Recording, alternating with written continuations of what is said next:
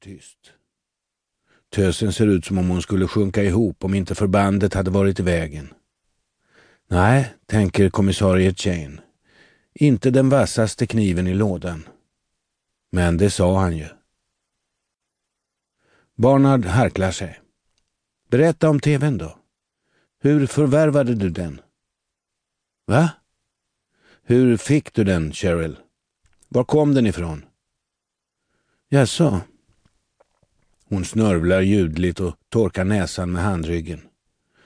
Han sa att den hade blivit över, säger hon. Att han hade köpt en ny och inte behövde den.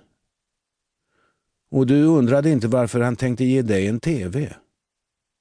Jag visste exakt varför han tänkte ge mig den, säger hon med en trotsig blick. Och det accepterade du?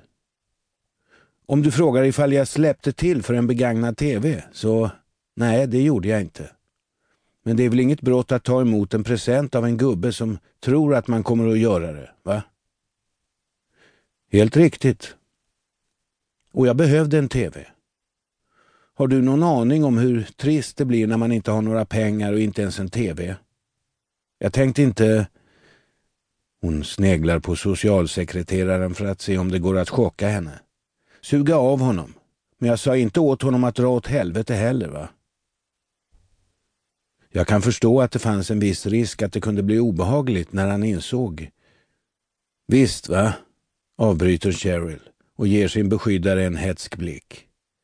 De flesta på ditt jobb tror att de kan få tafsa på en för en påse chips och en Fanta. Jag behövde ju en TV har jag sagt. Socialsekreteraren stelnar till bredvid henne, förnärmad. Otroligt, tänker kommissarie Jane. En hel syndaflod av skandaler men de blir fortfarande sura om någon antyder att de inte är perfekta allihop. Och när var detta? Inte vet jag. För ett par, tre veckor sedan. Långt innan vädret slog om. Det var fortfarande sjukt hett och han bara glodde på mina tuttar, för jag hade ett linne på mig. Jag trodde att han var ett vanligt gubbslem, va? Och det var ingen annan heller som trodde att han höll på med något skumt.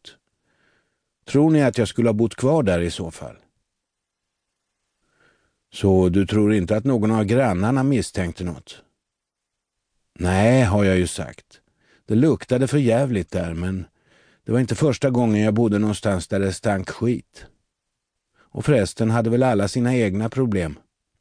Vi pratade knappt med varann förrän det hände. Det var inget kollektiv för fan. Vi var inte vänner.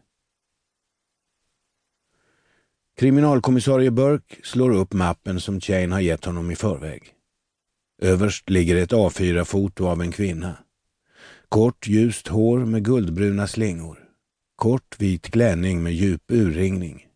Vita slingbacks, vit handväska. Versace-kavaj. Stora solglasögon uppskjutna på huvudet. Lika omisskännligt Essex som strassglitter mellan benen. Hon tittar bort från kameran. Har ett halvtomt champagneglas i handen.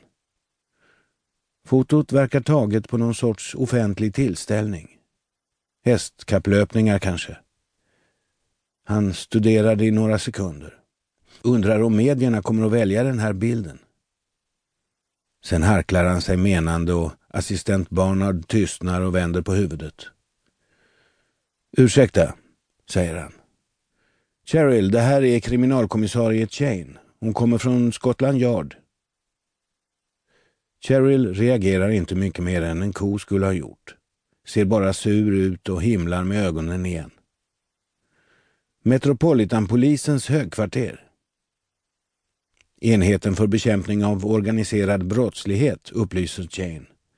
Du kan kalla mig Mary om du vill. Det där brukar väcka ett visst intresse. Men den här tjejen bara rycker likgiltigt på sin friska axel. Kommissarie Chain jobbar inte med den här utredningen, säger Burke. Men vi tror att det kan ha samband med ett annat fall som hon har hand om. Jaha, säger Cheryl misstänksamt. Chain ler mot honom, tar mappen och lägger den på bordet framför Cheryl. Har du hört namnet Lisa Dunn? frågar hon. Cheryl skakar på huvudet. Ansikt